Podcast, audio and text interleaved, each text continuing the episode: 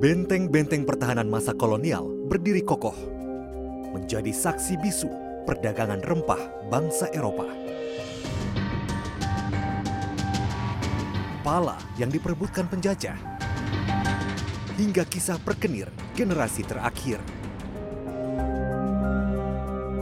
Inilah cerita jejak perdagangan rempah di Banda Neira.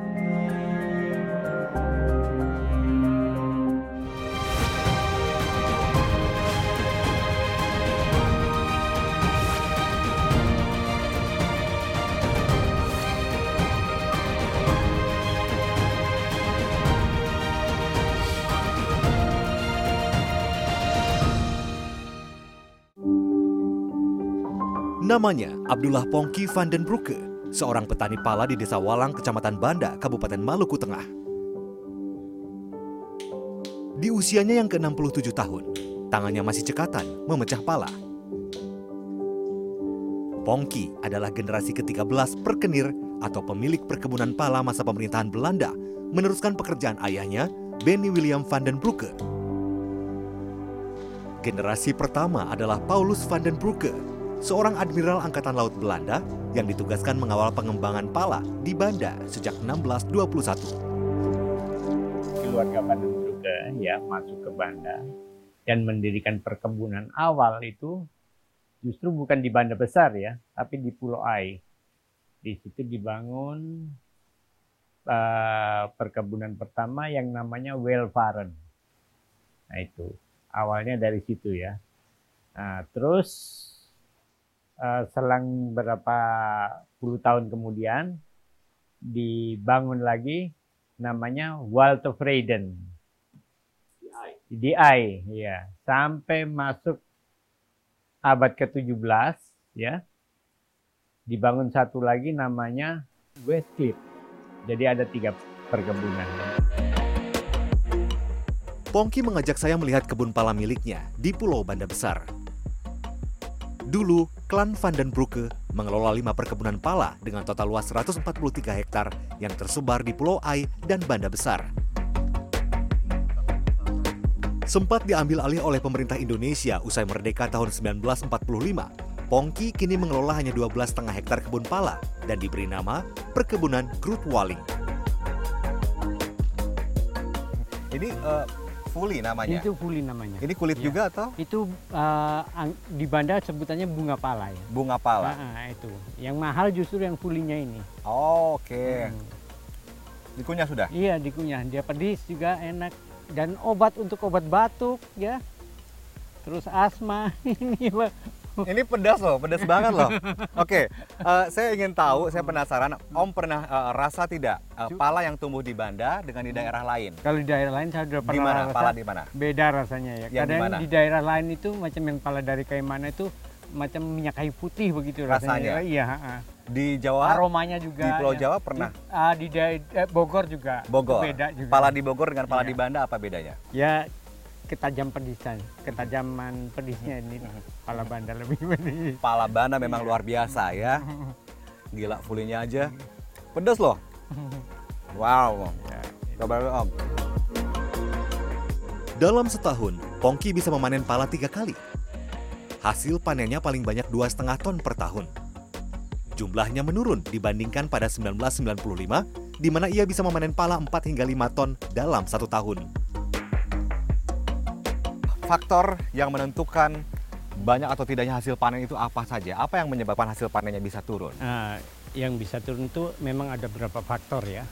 Uh, pertama penebangan liar, secara liar itu pohon-pohon kenari uh -huh. yang dulu kita banyak digunakan oleh orang tua kita untuk melindungi pala dari sengatan matahari langsung ya. Uh -huh.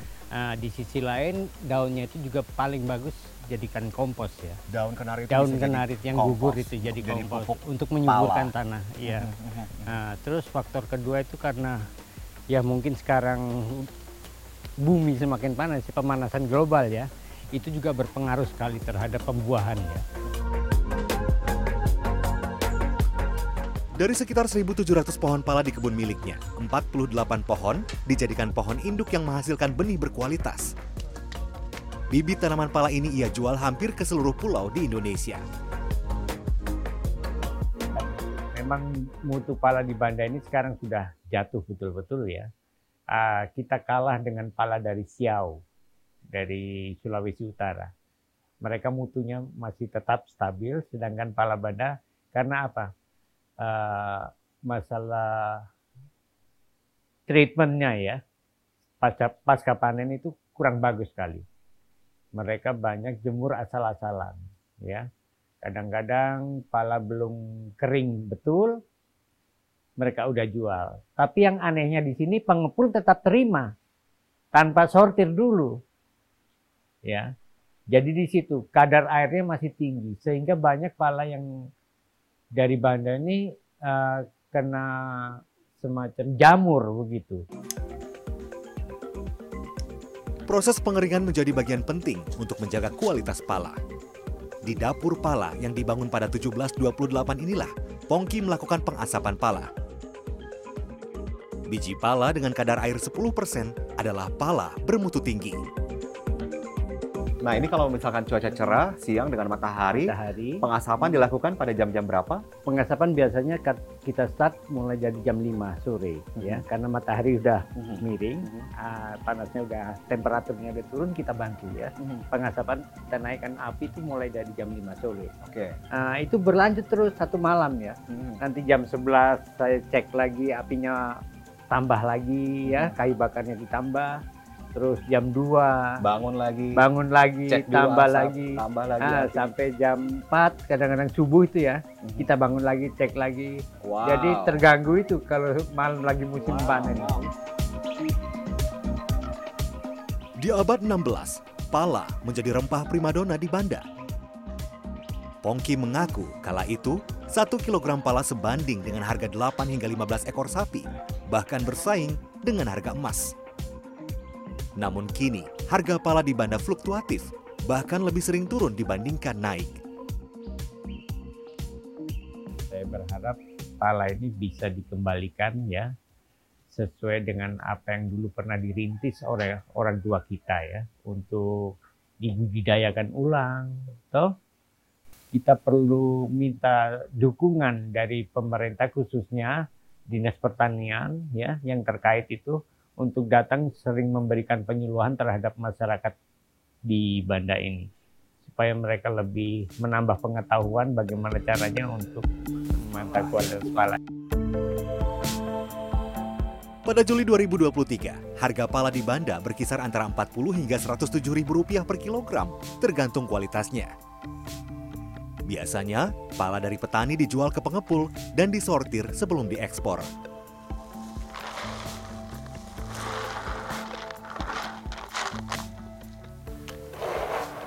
Jadi di sini pala ini disortir. Ada tiga golongan. Ada nomor satu, nomor dua, nomor tiga. Kalau nomor satu seperti apa bu? Ini mas, seperti ini mas. Ini yang nomor satu. Nomor satu. Nomor satu itu bentuknya memang lebih mulus ya. Yang nomor dua yang? Ini keriput. Oke. Okay. Ada keriput. Lebih keriput. Iya. Jadi ini terlalu kering sepertinya ya kalau saya lihat ya. Iya. juga. Memangnya harus kering mas. Harus kering. Iya. Tapi ini keriput ya, begini iya. ya uh, bentuknya. Yang nomor tiga? Hancur Nomor tiga sudah pecah-pecah, ada yang retak seperti ini, atau ada yang sudah terbelah begitu. Pala dari Banda diekspor ke berbagai negara dengan pasar terbanyak di India. Semakin tinggi produksi pala di Banda, maka pendapatan warga pun semakin bertambah. Kalau perempuan sih per minggu 300, kalau lelaki per minggu 400. Kalau palanya nggak ada berarti istirahat mas. Kalau ada baru masuk lagi. Ya, bersyukur lah mas kalau pala masuk terus. Kalau nggak masuk berarti istirahat. Nggak dapat penghasilan nggak juga. Iya, iya. Nggak ekspor juga.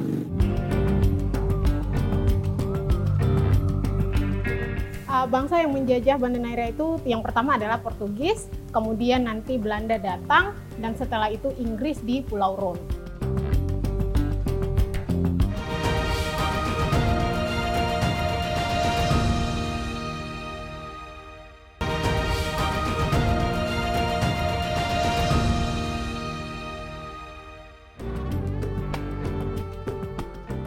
Banda di Kabupaten Maluku Tengah, Provinsi Maluku, tercatat pernah dijajah oleh sejumlah negara, dan menjadi jalur perdagangan rempah dunia.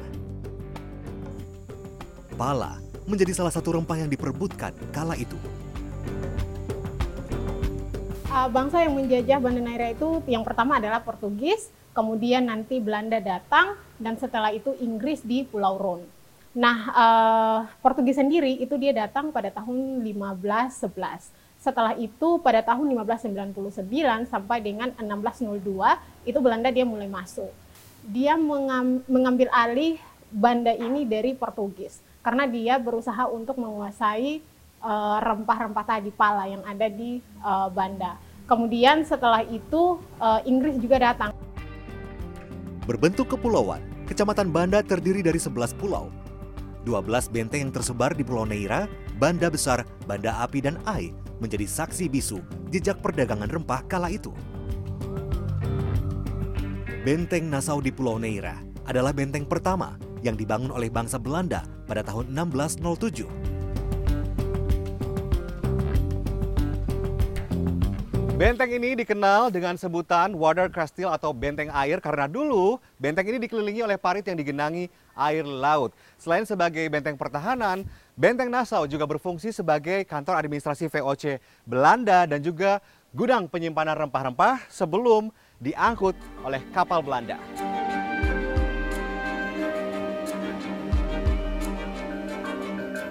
Sebelum Belanda datang, Portugis sebagai bangsa Eropa pertama yang menginjakan kaki di Banda mencoba membangun benteng di lokasi ini pada 1529. Namun gagal karena ada perlawanan dari penduduk setempat.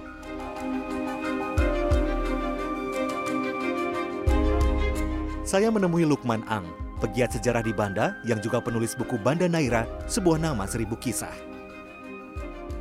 Ia menunjukkan puing-puing bekas gudang rempah dalam benteng ini. Jadi di sini di benteng ini dulu gudang rempahnya ada di sebelah mana saja?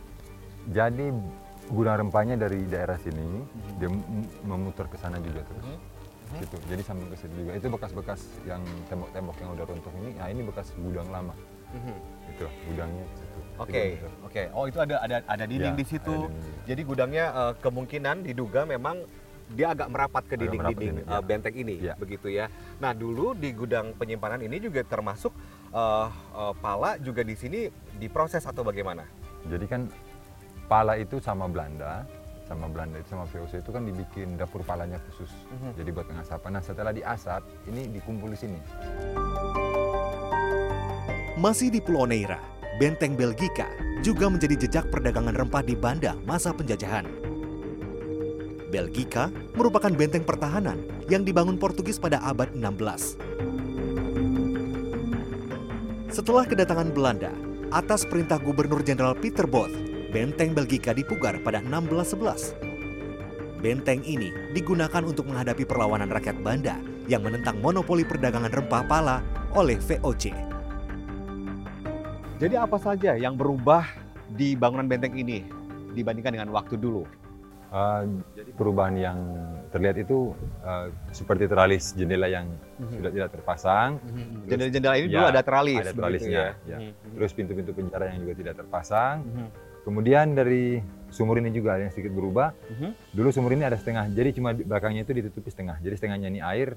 Jadi ketika ada penyerangan mereka bisa langsung kabur lewat sini. Jadi mm-hmm. sini juga tembus. Mm-hmm. Jadi ini ada satu underpass itu yang tembus sampai ke daerah depan di depan benteng ini. Yang ini dulu apa ini? Kalau yang ini tempat uh, penyiksaan ya. Jadi hmm. dulu di sini ada tiang, hmm. ada tiang yang berdiri. Jadi orang-orang tahanan itu kalau memang melakukan tindakan yang kriminal, yang dianggap kriminal ya di daerah asalnya mereka itu dibawa ke sini kemudian disiksa di sini. Hmm. Nah, sehingga makanya saluran air ini dipersiapkan sebagai guna persiapan jika uh, sehabis menyiksa mereka darah-darah itu gampang untuk disiram. Mengalir di sini. Ya. Masa kelam penjajahan Belanda terekam jelas di Banda Neira. Tak jauh dari benteng Belgika, terdapat monumen Parigi Rante atau sumur rantai yang dibangun sebagai penanda sejarah pembantaian rakyat Banda pada 1621. Kala itu, 40 orang tua atau tetua adat Banda ditangkap, dirantai, lalu dieksekusi mati oleh Ronin Samurai Jepang atas perintah VOC. Delapan orang kaya Banda dimutilasi menjadi empat bagian, sementara 32 orang mendapatkan hukuman penggal kepala. Jenazah ke-40 orang tersebut dibuang ke sebuah sumur yang dikenal dengan sebutan The Pot Van Koon. Jadi ini waktu dibangun sumur ini memang berfungsi untuk sumber air waktu itu. Ya, eh, berfungsi sebagai sumber air. Nah, jadi ketika Portugis datang ini berfungsi sebagai sumber air. Sampai eh, Portugis meninggalkan Banda itu ketika VOC masuk, sumur ini kemudian beralih fungsi. Nah, beralih, beralih fungsi dalam pengertian ketika peristiwa Banda Mor tahun 1621, orang-orang Banda yang menjalani huk- hukuman di sini atas tuduhan makar atau pembangkangan terhadap VOC pada saat itu, kemudian dihukum pancung dan dipenggal di sini. Mayatnya kemudian dibuang ke dalam sumur ini. Pada 8 Maret 1796, benteng Belgika diserang dan berhasil direbut oleh pasukan Inggris. Dengan jatuhnya benteng ini, Inggris menguasai Banda dengan mudah. Dari Neira, saya menyeberang ke Pulau Banda Besar. Di pulau ini, saya menyambangi benteng Hollandia. Berlokasi di desa Lontor, benteng ini dibangun tahun 1624. Pada 1743, benteng ini mengalami kerusakan akibat gempa bumi. Dindingnya lapuk, termakan usia. Dari atas benteng, saya melihat keagungan Gunung Banda Api dan membayangkan bagaimana Belanda mengawasi kapal musuh di perairan sekitarnya. Benteng Hollandia dibangun untuk mengendalikan lalu lintas di selat antara Pulau Neira dan Lontor atau Banda Besar, terutama untuk memonitor aktivitas perdagangan pala di jalur laut antara Neira dan Lontor. Nah, benteng ini dibangun dari susunan batu karang, batu andesit, dan bata yang direkatkan dengan kalero, serbuk atau bubuk dari batu karang yang diperoleh melalui proses pembakaran.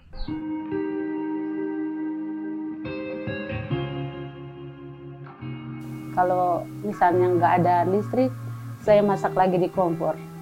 Sedangkan kompornya kan bahan bakar di sini mahal. Kadang-kadang sampai 50 ribu 5 liter itu mas. Jadi sebelum tahun 2013, jaringan listrik tidak pernah masuk ke Pulau Run. Jika malam datang, gelap sudah.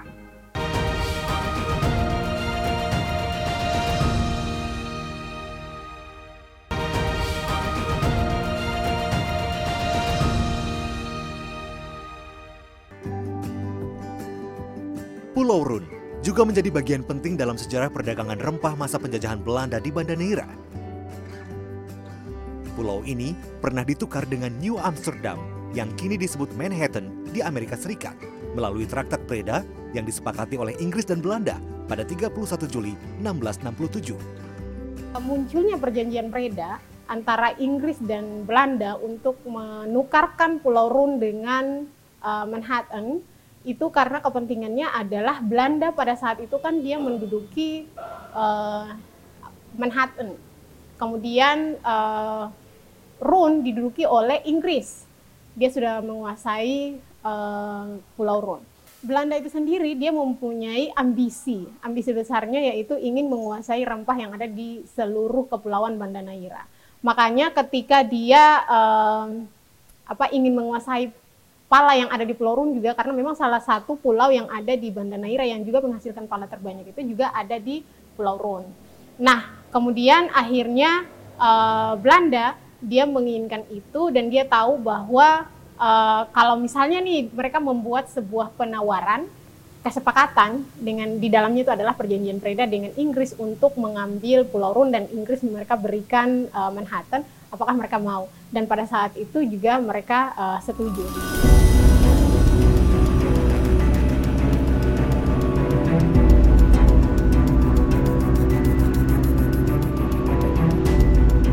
Dengan menggunakan kapal motor, saya berangkat ke Pulau Run meski cuaca kurang baik.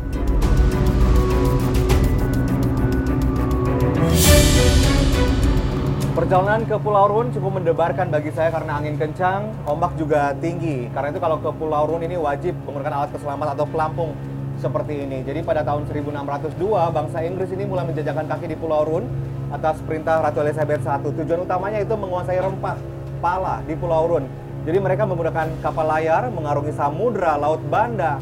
Tak terbayang rasanya mereka bertaruh nyawa hanya demi mendapatkan rempah di Pulau Run. Perlu waktu sekitar satu setengah jam untuk tiba di Pulau Run dari Pulau Neira.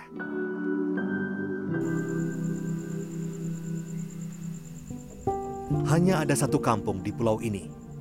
Di awal tahun 2021, pemerintah membangun jaringan listrik di kampung Pulau Run, namun hanya menyala pukul 6 sore hingga 6 pagi.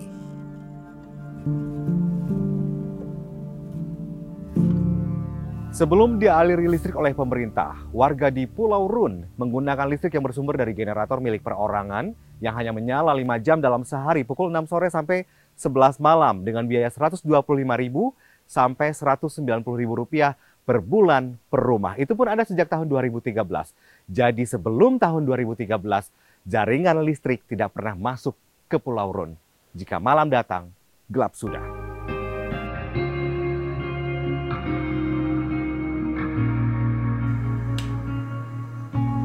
Menyalanya listrik selama 12 jam dalam sehari dimanfaatkan sebaik mungkin oleh warga Pulau Run, termasuk Tin Amin.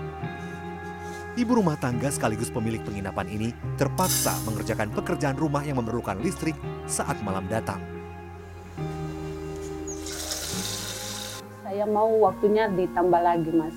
Biar saya bisa agak enakan untuk handle tamu. Eh, fasilitas listrik saya kan saya bisa pakai, Mas kalau misalnya nggak ada listrik, saya masak lagi di kompor. Sedangkan kompornya kan bahan bakar di sini mahal. Kadang-kadang sampai 50 ribu 5 liter itu mas. Bagi Tin, 12 jam listrik menyala dalam sehari tak cukup. Apalagi ia harus membayar biaya listrik sekitar Rp190.000 per bulan. Ia berharap listrik di Pulau Run bisa menyala 24 jam. Listrik kini mengaliri sekitar 500 rumah di Pulau Run, termasuk rumah Ahmad Fauzan. Lampu di rumahnya menyala sejak berlangganan listrik pada 2021. Namun, biaya listrik yang dibayarnya per bulan terasa berat, mengingat pendapatannya sebagai nelayan tak banyak. Rata-rata 800 ribu hingga 1 juta rupiah setiap bulan. Belum lagi untuk membiayai sekolah anak-anaknya kalau rumah saya ini bisa satu bulan itu bisa seratus puluh ribu ya bayar listrik. ya bayar listrik satu, dalam satu bulan menurut saya itu agak ada sedikit mahal Selain listrik yang terbatas, tidak tersedianya sumber air minum juga menjadi kendala di Pulau Run ada delapan sumur yang digali tahun 60-an di pulau ini. Namun airnya payau, sehingga tak bisa dijadikan air minum. Ini memang bukan air tawar ya, tidak terlalu asin, tapi memang ada rasanya. Dan ini air payau, jadi memang ini tidak dijadikan air minum oleh warga. Betul. Tapi ya. digunakan untuk mencuci dan mandi. Mhm. Ya. Terus untuk air minum bagaimana cara mendapatkannya? Kalau air minum kita uh, minum dengan air hujan air hujan ini ditampung di rumah-rumah oleh warga. Betul. Seperti apa sistem Jadi setiap rumah itu ada namanya bak penampung. Mhm. Yang mereka yang kita bikin dari semen. Nah, kita cor di, di dalam tanah. Uh-huh. Ukurannya itu berbeda-beda, tapi rata-rata itu 3 meter kali 3 meter uh-huh. untuk satu keluarga, satu uh-huh. rumah. Uh-huh. Nah, itu bisa menampung sekian meter kubik air hujan dan bisa dijadikan stok untuk eh, air minum pada saat musim kemarau.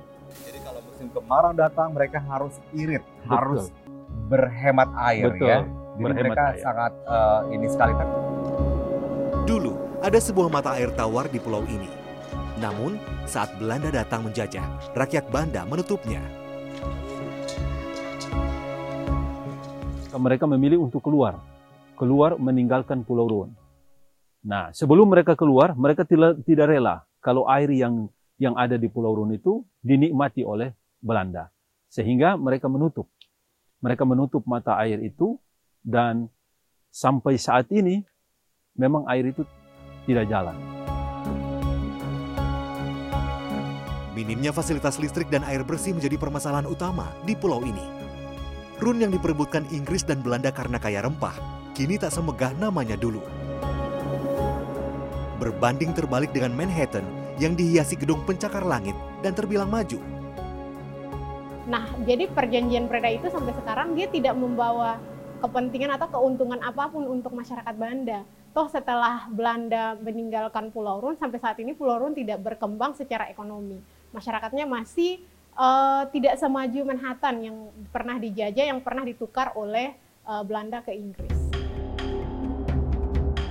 Nasib perkebunan pala di Pulau Rune juga tak lepas dari masalah. Jumlah petani pala semakin sedikit. Dari sekitar 540 keluarga yang menghuni pulau ini, hanya 30 persen yang masih setia menjadi petani pala. Selebihnya adalah nelayan dan pedagang. Kalau dibandingkan dengan dulu, kalau persentase untuk petani pala itu sedikit berkurang. Sebab masyarakat sudah lebih banyak beralih profesi ke nelayan. Tapi kalau mau dihitung tentang jumlah pohon pala dibandingkan dengan dulu, malah sekarang lebih banyak. Lebih dari tujuh dekade Indonesia merdeka. Tapi Pulau Rune tak semerdeka itu. Dulu, bak negeri kecil yang kaya rempah Run menjadi rebutan bangsa penjajah. Namun kini, namanya seakan dilupakan.